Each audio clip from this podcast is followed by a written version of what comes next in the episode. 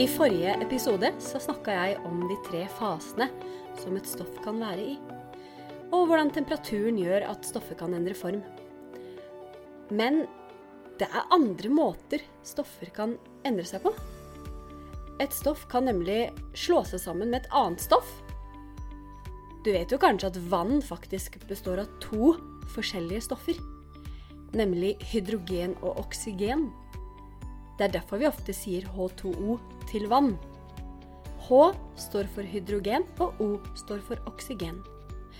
Så her har de to stoffene liksom slått seg sammen.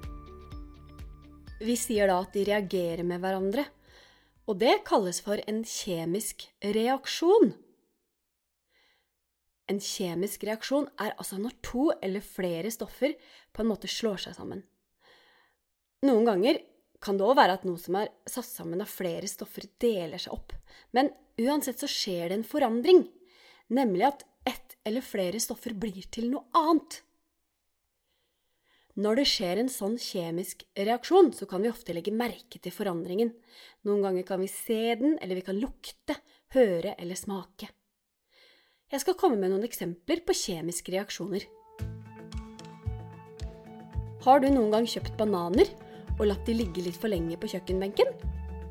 Hva skjer da? Jo, de blir brune. Det er en forandring. Det som skjer, er at oksygen i lufta reagerer med stoffer i bananskallet.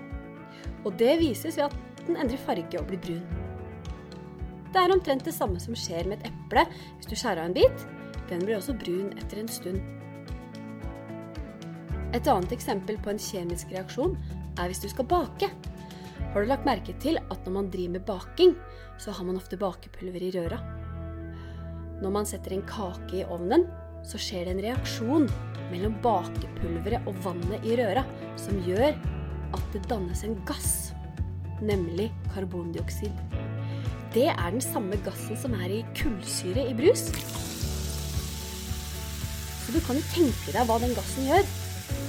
Ja, akkurat som luftbobler i brusen, så lager den luftbobler i kaka. Sånn at den blir luftig og god. Når du tenner en fyrstikk, så skjer det en reaksjon mellom tuppen på fyrstikken og den plata som man skraper den mot. Den reaksjonen gjør at det blir så varmt at fyrstikken tar fyr. Når du griller mat, skjer det òg flere kjemiske reaksjoner. Varmen fra grillen gjør at stoffer i kjøttet reagerer med hverandre. Og det kan man både kjenne på at lukt og smak forandrer seg. Det foregår massevis av kjemiske reaksjoner rundt oss hele tida, og til og med inni oss. Når vi spiser mat, og når vi fordøyer mat, for eksempel. Eller når metall ruster, når trær råtner. Til og med når du lader mobilen din, eller slår på lyset på badet, så skjer en kjemisk reaksjon.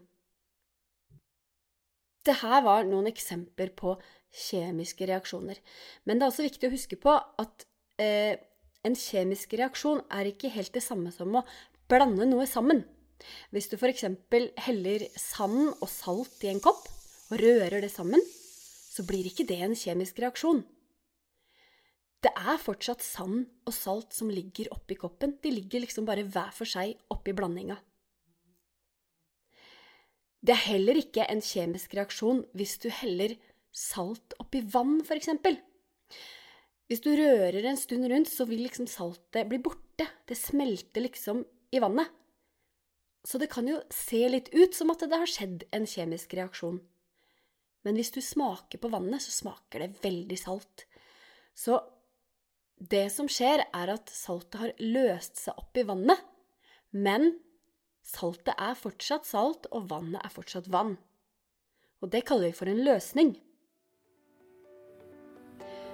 Så nå veit du enda litt mer om hvordan stoffer kan endre seg.